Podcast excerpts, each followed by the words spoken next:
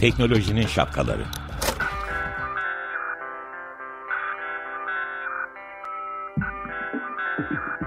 Bilgi ve iletişim teknolojileriyle güvenli ilişki için Banu Zeytinoğlu, Murat Lostar, teknolojinin tüm renklerini, siyah, beyaz, mavi, kırmızı şapkalarını konuşuyor.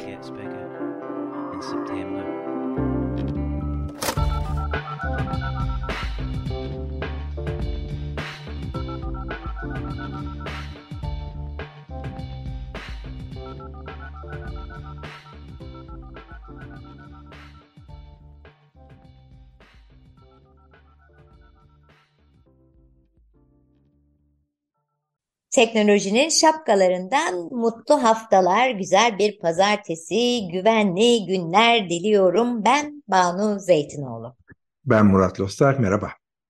Umarım her şey yolundadır.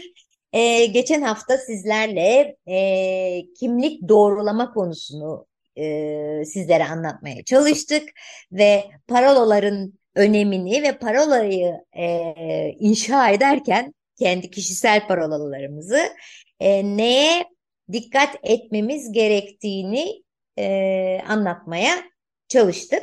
Eğer ki bunları e, öğrenmek, duymak istiyorsanız lütfen Spotify'da ya da Aç, Açık Radyo'nun e, web sayfasındaki podcast'imizi dinleyin. Bu hafta tekrar deva e, devam ediyoruz kimlik doğrulama konuşmaya.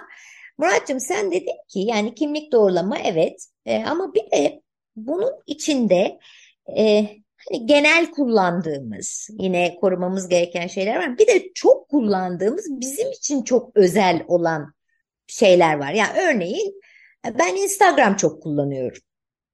Instagram'ı çok kullanıyorsam Instagram'ın bağlı olduğu bir takım şeyleri yani hacklenmesini istemem, korumam gerekiyor. Daha da korumak istediğim, daha da değerli mücevherim.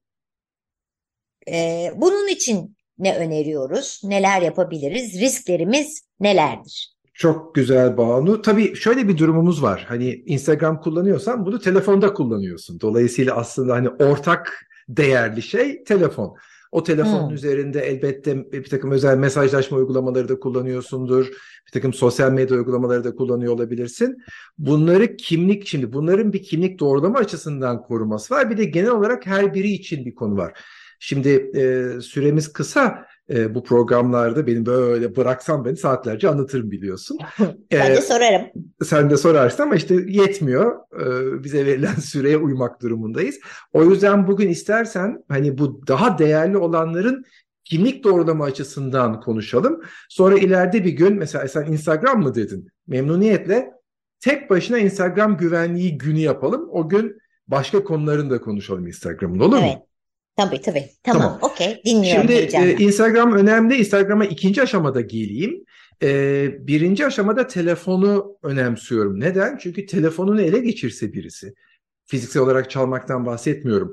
Telefonunun yedeğini alsa, sen e, şey e, işte te, telefonun üzerindeki e, ayarlara, e, bütün uygulamalara erişimi olsa aslında sadece Instagram değil tüm sosyal medyalarına, işte tüm mesajlarına, birçok şeyine hatta bankacılık mobil uygulamasına bile girebilir öyle değil mi? Yani eskiden telefon böyle bu kadar aktif değildi ya da bu kadar akıllı değildi. Ee, biz virüs dediğimiz zaman sadece e, bilgisayarımıza işte laptopumuza virüs giriyor diyebiliyorduk. Şimdi telefona da virüs gönderilebiliniyor değil mi? Akıllı evet. virüsler giriyor. Hatta, bir tuşa basınca bir sürü bir yerleri elde edebiliyor falan. Kesinlikle öyle ve hatta sadece hani bize virüs yollanması değil e, bizim indirdiğimiz bir oyunun içinde bile kötü niyetli bir takım parçalar, virüs gibi yazılımlar olabiliyor. Ama dediğim gibi bunları başka zaman daha detaylı işleyelim. Bugün okay, tamam. olaya kimlik doğrulama açısından girelim. Tamam, Şimdi sus. telefon dediğimiz anda e, ilk etapta hani en az karşılaşacağımız ama olmazsa olmazla başlayalım. Telefonumuz fiziksel olarak bir başkasının eline geçerse ne olacak? Hı hı. Bunun için yapmamız gereken şey tabii ki birçok kişi hala yapmadığı için inanamıyorum ama telefonumuzun bir açılırken kullanılan bir pininin olması yani bir e, parolasının olması gerekiyor. Hemen telefonu elime aldım. Zaten onu açarken bir şey giriyorum. Ha, güzel, bravo. O. Demek ki senin bir pinin var. Bir tane. Evet. Bir tane. Bu, bu başlangıç için güzel. Bir kere bu olmayanlar var. Onlar ya radyoyu kapasınlar, kanal değiştirsinler ya da şimdi dinlemeye devam etsinler. Bir kere bunu koyarak başlamak gerekiyor. Bunu söylemek istiyorum. Tamam. Ee, bu yoksa devamı yok. Hatta şimdi e, biliyorsun bir e, marka yani reklam olmaması için markasını söylemiyorum ama bazı model e, marka telefonlarda da sadece pin, rakam ya da harf değil aynı zamanda elinle bir takım şekiller de çizebildiği özellikler var. Onu da ben bireysel olarak çok tavsiye etmiyorum. Sebebi şu, uzaktan bakan birisi o şekli çok kolay tahmin edebiliyor. 2-3 tane rakama bastığında klavyede bir şey yazdığında görmek zor da ben uzaktan anlıyorum. Sen kare çiziyorsun, üçgen çiziyorsun, artık ne çiziyorsan L harfi çiziyorsun falan gibi şeyleri anlamak çok kolay oluyor. Evet, doğru. Ee, ama zaten hani bunun ne kadar zor ya da kolay olduğunu çok önemi de yok. Çünkü yeni akıllı telefonların hemen hepsinde ya parmak izi ya Hı hı. işte yüz tanıma falan gibi bir takım ek özellikler var biliyorsun. Hı hı. Ee, şimdi bunların mahremiyetle ilgili kısımları da daha ileriki haftalara belki bırakırız ama mahremiyet endişelerini kenara koyarak söylüyorum. Bunlar da hayatımızı çok kolaylaştırıyor. Sen geçen hafta parmağım kesip birisi kullanırsa ne olur demiştin. Tabii onları da kenara bırakıyorum bugün. Ay ama, Ama- hayır yani yüzüm yüz tanıma da öyle. Yani göz açık kapalı fark etmiyorsa yine kafama bir şey indirdi, telefonu aldı, yüzüme tuttu, açtı. Oluyor mu acaba? Yani bunu da ne olur konuşalım sonra tekrar. Ben Memnuniyetle, hala hemen konuşalım. olmadım. Ee, hı. peki en azından onu konuşalım. Gözün kapalıysa çalışmıyor. Hı. Bunu nereden biliyorum?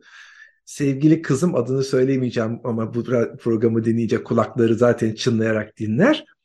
O arada gelip telefonumda oynamak istiyor. Şimdi ben telefonumun pinini parolasını ona vermiyorum tabii. Tabii. Tabiinin altını çizelim. Ee, ondan sonra o da gelip telefonumu tutuyor mesela. Komiklik olsun diye telefonu yüzüme tutuyor. Önce kendi yüzüne tutuyor açamıyor. Sonra benim yüzüme tutuyor. Ben yüzüme tuttuğu anda gözümü kapatıyorum. Tamam. Açılmıyor. Sonra bu telefon beni sevmiyor diye kızıyor sevgili kızım. Bak bunu sevdim. Bak burada okey.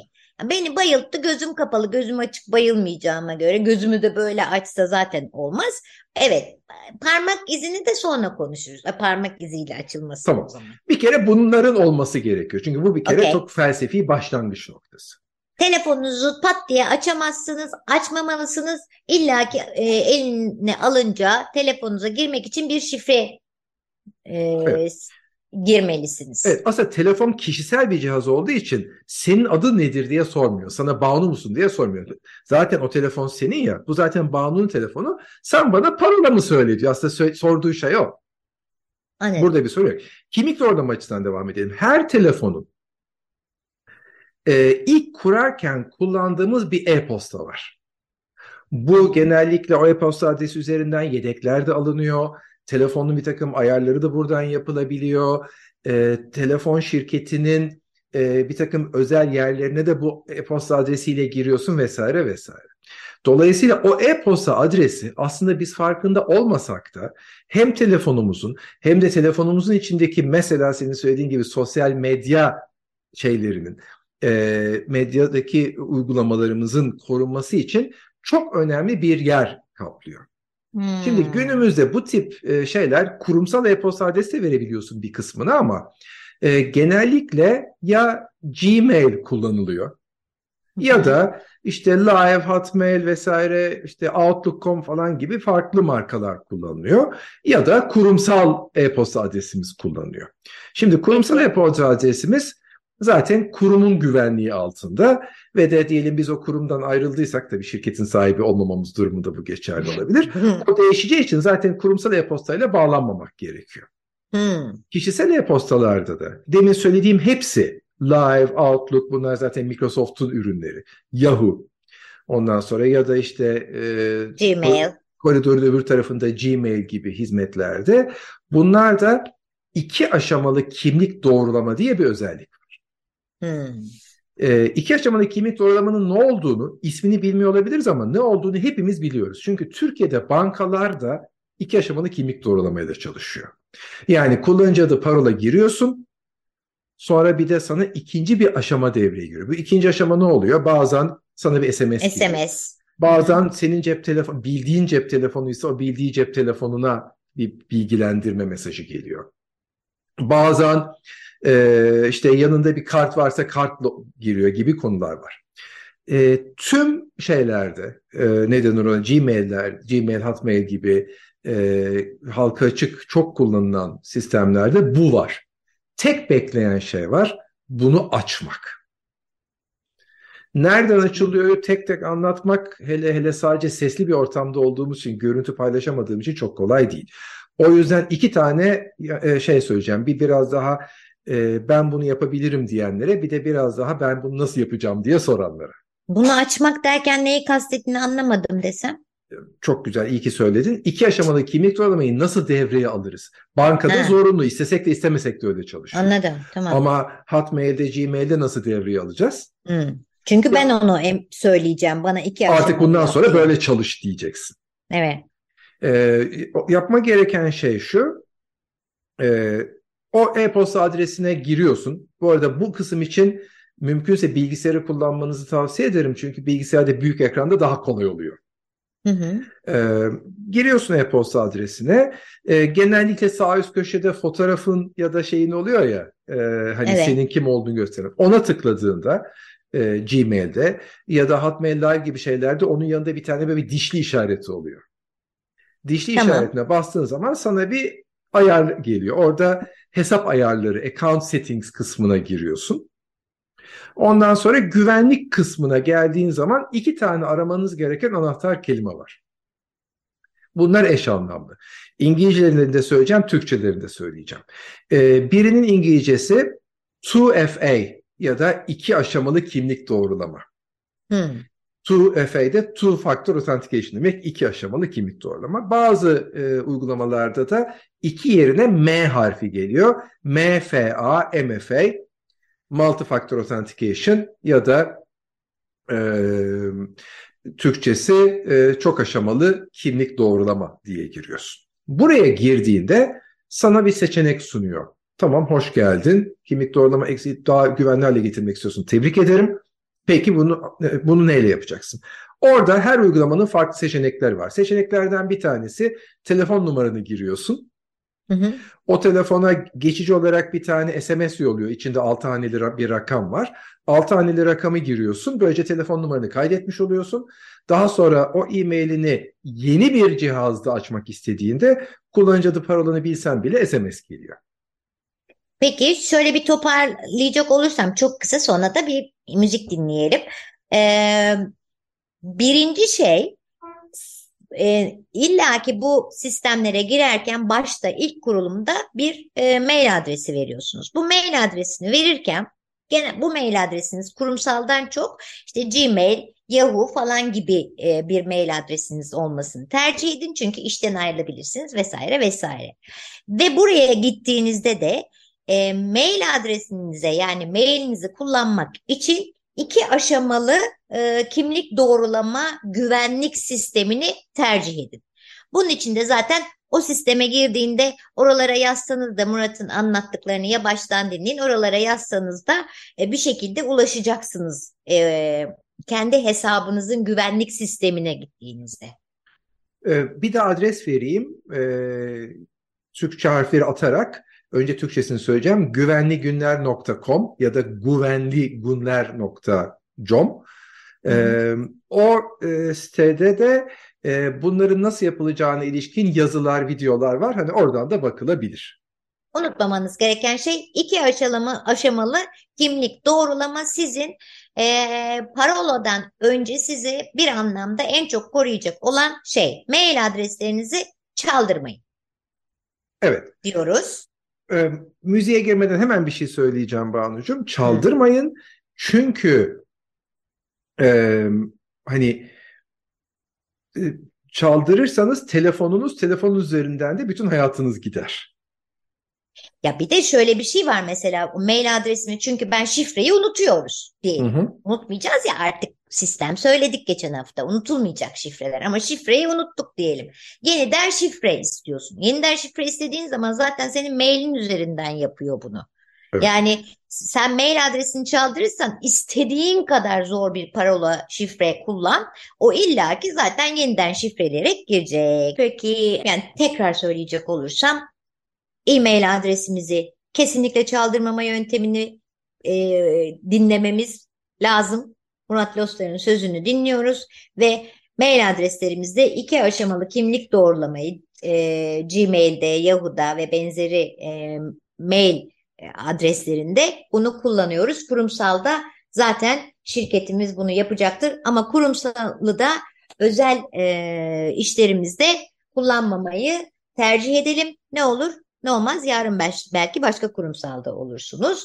E, bu önemli. Peki iki aşamalı kimlik doğrulama yani paroladan sonra kimlik doğrulamadan sonra içinde en çok aklımıza kazıyacağımız e, şeylerden bir tanesi. Ne diyeyim? Kelimelerden, kelime birleşiminden. Evet, Banu'cum hemen burada e, biraz önce söylemediğim bir şey eklemek istiyorum. Bazı sistemlerde iki aşamalı kimlik doğrulamayı açtığımızda bize yedek kodlar diye işte 5 tane, 10 tane, 20 tane kod veriyor.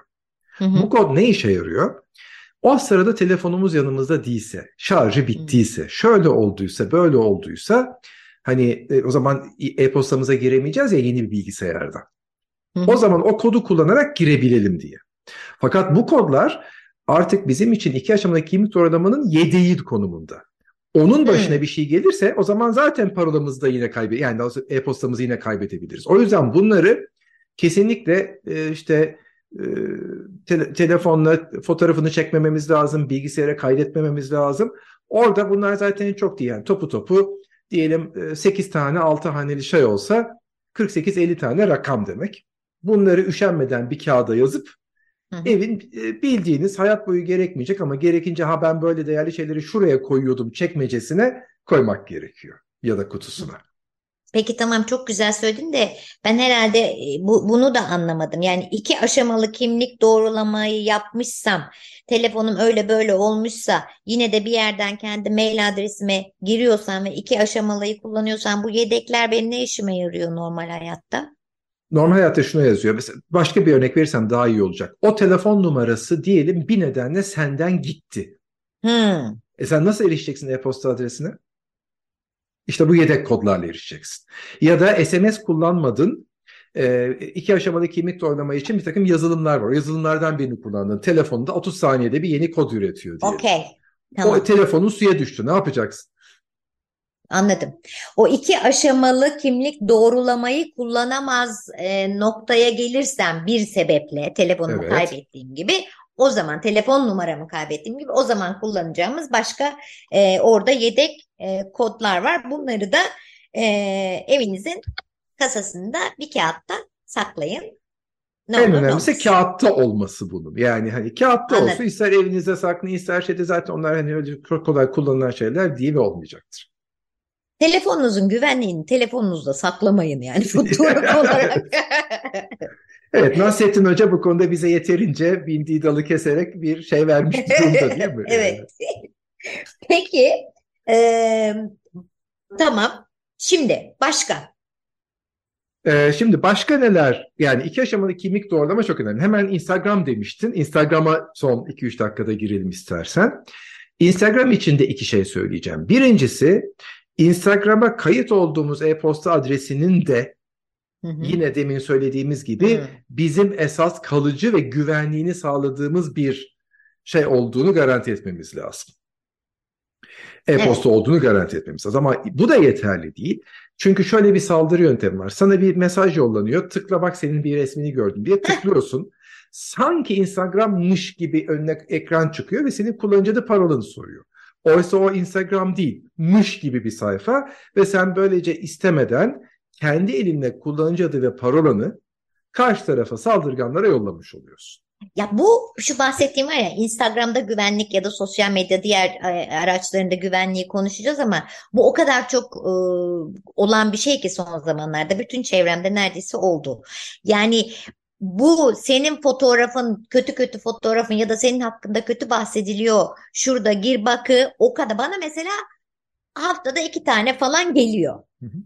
E, burada e, hiçbir şekilde bunun başkalarından geldiğini ya da Instagram'dan direkt geldiğini nasıl anlayacağız?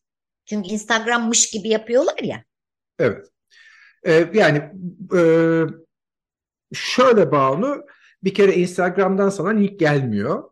İkincisi hmm. eğer o kadar önemliyse sen o linke tıklamak yerine gir Instagram'a oradan bak. Instagram yolladıysa zaten sen Instagram'a girince de karşına çıkartacaktır böyle değil mi? Tıklamana gerek yok. Evet size Ama... Instagram'dan bir şey gelirse hiç oraya tıklamayın. Hı hı. Merak ediyorsunuz Instagram'a girin bakalım siz kendiniz girin bir şey var mı? Çok doğru. Bir de demin e, e, e-posta için anlattığım iki aşamalı kimlik doğrulamanın aynısı hmm. Instagram'da, Facebook'ta, Twitter'da, LinkedIn'de bugün çok kullanılan sosyal medyaların hepsinde var. Onlarda da bu iki aşamalı kimlik doğrulamayı açmak gerekiyor.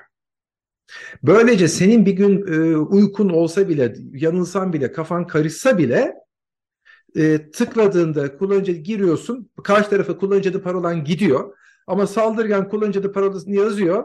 İki aşamalı kimlik doğrulamadan ilerleyip senin hesabını çalamıyor. Anladım. Çok güzelmiş. Ama bu sosyal medya güvenliklerini tekrar konuşacağız. Bankalardan arıyoruz deyip de işte yok efendim hırsızlıkları da konuşacağız. Bütün her türlü dolandırıcılıkları da konuşacağız. Yine süremiz bitti kahretsin. Ama ne yapalım bu böyle.